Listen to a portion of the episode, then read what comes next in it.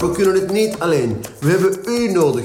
U die onze video's en onze post blijft delen en blijft doorsturen. Zijn er regels nodig over politieke reclame op sociale media?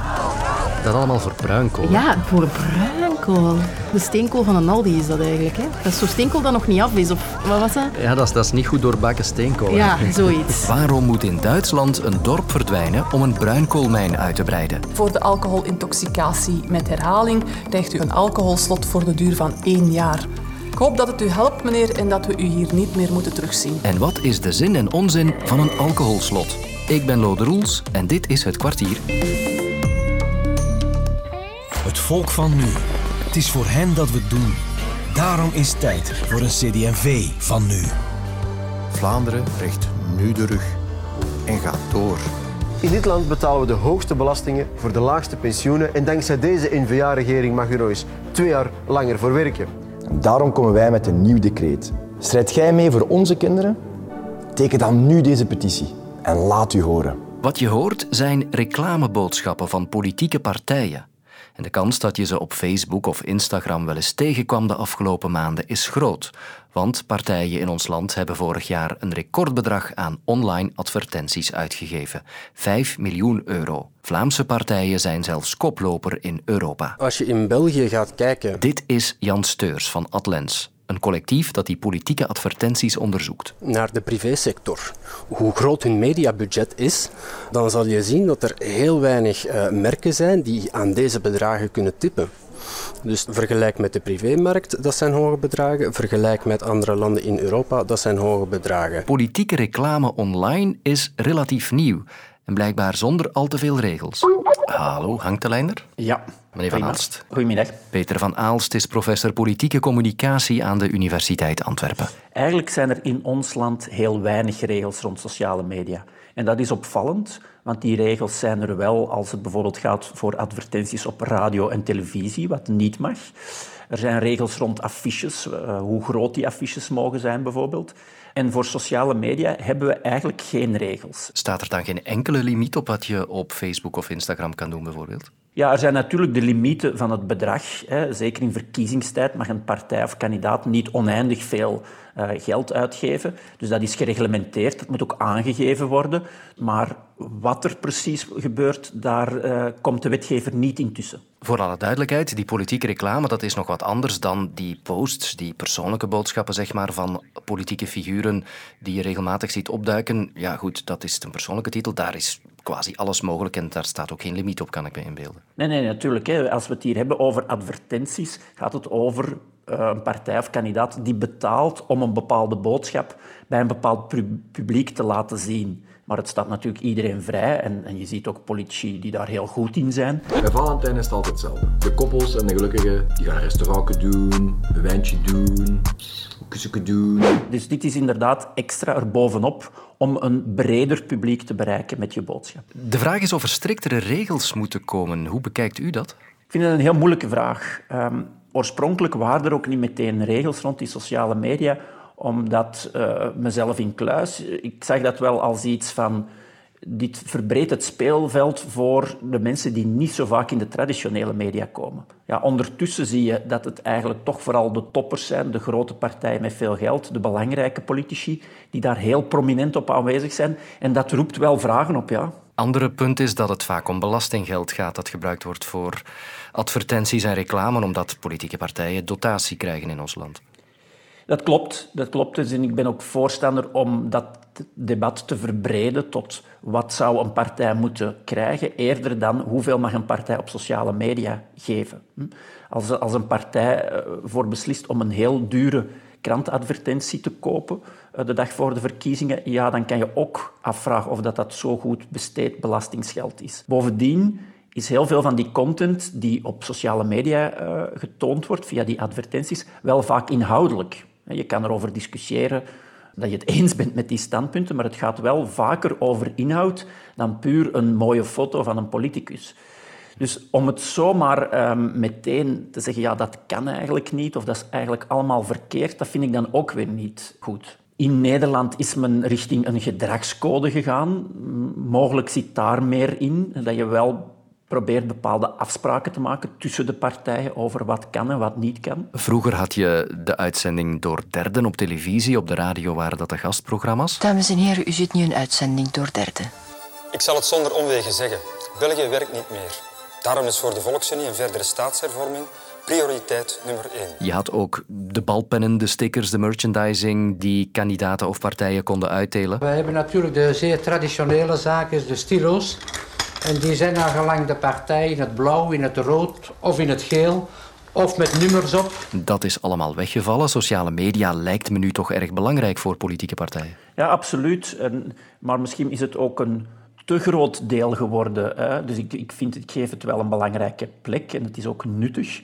Mogelijk zijn de Vlaamse partijen op dit moment, is hun geloof in die sociale media ook wat te groot. Ik denk onder meer door de overwinning van Vlaams Belang in 2019, en die zette toen heel voorzien op sociale media, is er in Vlaanderen een heel sterk geloof dat verkiezingen worden gewonnen en verloren op sociale media. Meneer Van Aalst, dank u wel. Graag gedaan.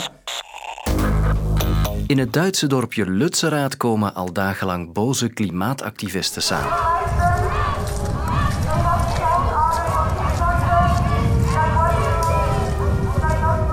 Lutseraad, dat zegt je waarschijnlijk niet veel, maar het dorp wordt vandaag ontruimd omdat de overheid een bruinkoolmijn wil uitbreiden. Räumung des Dorfes Lützerath begonnen. Die Polizei hat die Klimaaktivisten aufgefordert, den Ort zu verlassen. De inwoners zijn al even weg, maar klimaatactivisten namen het dorp in omdat ze de uitbreiding van de bruinkoolmijn willen tegenhouden. En weghalen ging niet zonder slag of stoot. Onze collega Jeroen Rijgaard was vandaag in Lutzerath.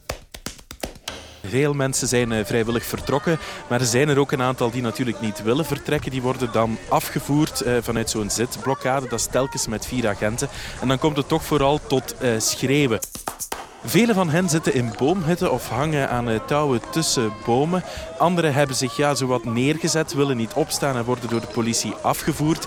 Maar er zitten nog heel veel mensen in grote hallen. Ik kijk hier momenteel op zo'n hal waar ja, honderden, echt honderden politiemensen klaarstaan om naar binnen te gaan, omdat daar ook klimaatactivisten in zitten. Er zijn wel al eh, zwaardere incidenten geweest vanmorgen aan de andere kant van het dorp. Daar uh, is de politie bekogeld met stenen en met vuurwerk. Overal vind je hier in het dorp wel hoopjes stenen. Dus uh, ja, het kan nog wel tot geweld komen. Ik moet zeggen dat de activisten zich op dat vlak wel voorbereid hebben en wel tot heel veel bereid zijn. Maar wat is bruinkool eigenlijk? En waarom zet de Duitse regering daarop in? Vragen voor Danielle de Vogelaar. Ik ben energie-expert en adviseur bij het management consultingbureau SIA Partners. Vraag 1. Waarvoor wordt bruinkool gebruikt? Bruinkool wordt gebruikt voor verwarming van gebouwen, maar is vooral bekend voor zijn rol in de opwekking van elektriciteit.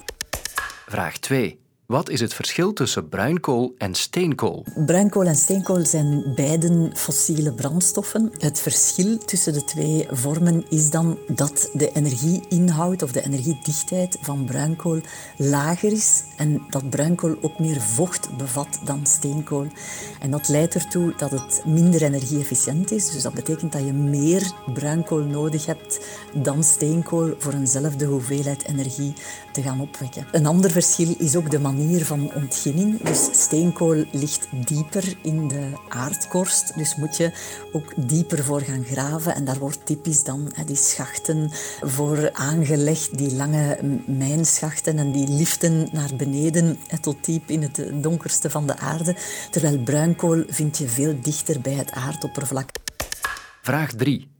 Wat zijn de nadelen van bruinkool? Die bruinkool ligt vaak zo dicht tegen het oppervlakte dat er eigenlijk maar minimaal of heel weinig afgravingen nodig zijn. Dat duidt onmiddellijk op een van de grote problemen met die ontginning van bruinkool. En dat is dat dat zeer landschapsverstorend is. Dus dat tast het landschap enorm aan, omdat dus hele lagen worden weggeschraapt door gigantische machines. Heeft ook een effect op het grondwater. Dus dat grondwater moet weggepompt worden met alle gevolgen van dien voor heel wat omliggende gebieden. Bruinkool heeft ook een hoog zwavelgehalte. En vooral wanneer dat het verbrand wordt of ingezet wordt in oudere centrales, productiecentrales voor elektriciteit, gaat dat dan leiden tot luchtvervuiling. In de nieuwere elektriciteitscentrales kan die zwavel wel afgefilterd worden, maar desalniettemin is het toch een belangrijk neveneffect. Vraag 4. Wat zijn de voordelen van bruinkool? Het is zeker voor een land als Duitsland, die dat eigen bruinkoolmijnen hebben, is dat een zeer economisch interessant alternatief. Dus als je op je eigen territorium dan een energiebron hebt die beschikbaar is, lijkt dat een interessant alternatief. Dus het heeft heel wat nadelen, maar het voordeel is dat het zeer zeker economisch interessant is. Vooral omdat dus die bruinkoolmijnen, die elektriciteitscentrales liggen daar vaak naast. Dus dat moet gewoon maar met een, een band, bij manier van spreken, vervoerd worden. Dus dat vervoer is heel erg kort, dus je bespaart enorm op transportkosten.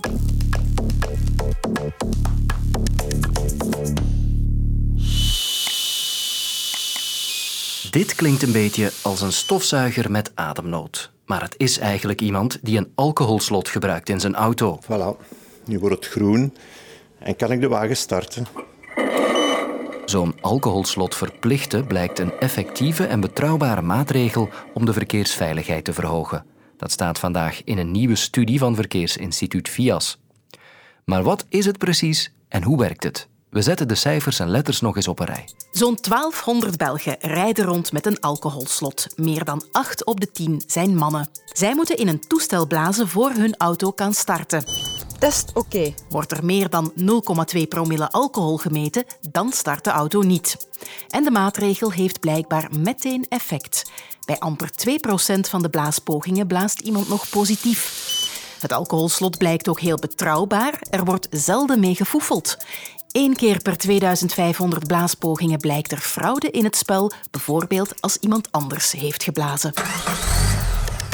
1200 mensen dus met een alcoholslot. Dat zijn er evenveel als in een goed gevulde Munschouwburg. En al die mensen hebben hun eigen verhaal. Ik heb uh, wat problemen gehad, zware tijden gekend gehad. En dan ben ik, ben ik beginnen te drinken. Gewoon. En dan ben ik uh, tegengehouden geweest door de politie. En dan ben ik uh, een paar maal ook veroordeeld geweest voor het gerecht. En dan altijd wel geldboetes gekregen gehad. Op een bepaald moment terug voor het gerecht gekomen heb ik tegen de rechter zelf gezegd van kijk, nu is het goed geweest. Ehm, ik zou graag hebben dat je mij een alcoholslot gewoon oplegt. Want ik besefde, als ik zo blijf doorgaan, dat er iets fout gaat lopen. En dat het meer als alleen een geldboete gaat zijn. Misschien dat er zwaar ongevallen bij gaat zijn. Of dode mensen er gingen bij zijn. Dus daarom heb ik aan de rechter gevraagd van kijk, leg mij dat alsjeblieft op. Gewoon, het gaat zo niet verder kunnen gaan. Het klinkt dus als een succesmaatregel. Maar is dat ook zo? Hoe zaligmakend is zo'n alcoholslot? En waar zitten de angels? Dat wil ik wel eens horen van een politierechter. Goedemorgen, met Cindy van Dijk. Cindy is politierechter in Leuven en ik vermoed dat zij al wel eens een alcoholslot uit haar grote strafwetboek haalt. Ja, dat klopt. Ik leg dat al wel eens op. Als men al meerdere keren in het verleden veroordeeld geweest is voor alcohol in het verkeer, dan heb ik toch wel zoiets van, ja, hier is duidelijk een probleem. Ik ga hier een alcoholslot opleggen.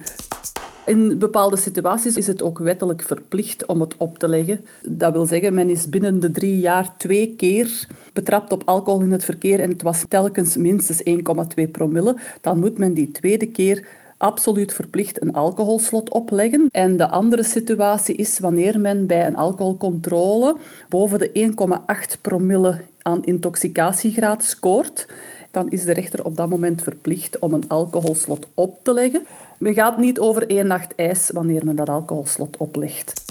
Het is ook een hele dure straf. Er is een omkaderingsprogramma voorzien met psychologische begeleiding. Dat is wel zeer kostelijk in feite. En het installeren zelf, dat gaat ook wel gepaard met de nodige praktische beslommeringen. Dus daar komt wel het een en het ander bij kijken, ja. In geval dat men zou weten dat wanneer het opgelegd wordt ook altijd effectief wordt uitgevoerd, dan ben ik er wel fan van. Zelfs in die zin dat ik zelfs graag zou hebben dat een alcoholslot verplicht zou zijn in eender welk bedrijfsvoertuig. Maar we stellen ook wel vast dat er heel wat uitvoeringsproblemen zouden zijn. Het kan zijn dat de veroordeelde gewoon geen eigen voertuig heeft, maar met een uh, voertuig van zijn werkgever rondrijdt. Of dat hij de kostprijs gewoon niet kan betalen en daarom dan kiest voor het alternatief. En dat is dan een rijverbod dat even lang duurt dan de duur van dat het alcoholslot was opgelegd. Er zijn tal van redenen waardoor dat een opgelegd alcoholslot uiteindelijk niet in de praktijk wordt uitgevoerd. Ik denk wel van zodra het effectief in het voertuig geïnstalleerd is, dat het dan een zeer efficiënte maatregel is. En daarmee is de derde aflevering van deze week alweer een feit. Morgen bekijkt Sophie drie nieuwe onderwerpen. Je dagelijkse afspraak met het kwartier in de auto. Dat kan nog handiger en veiliger. De app van VRT Nieuws is ook beschikbaar via Apple CarPlay en Android Auto.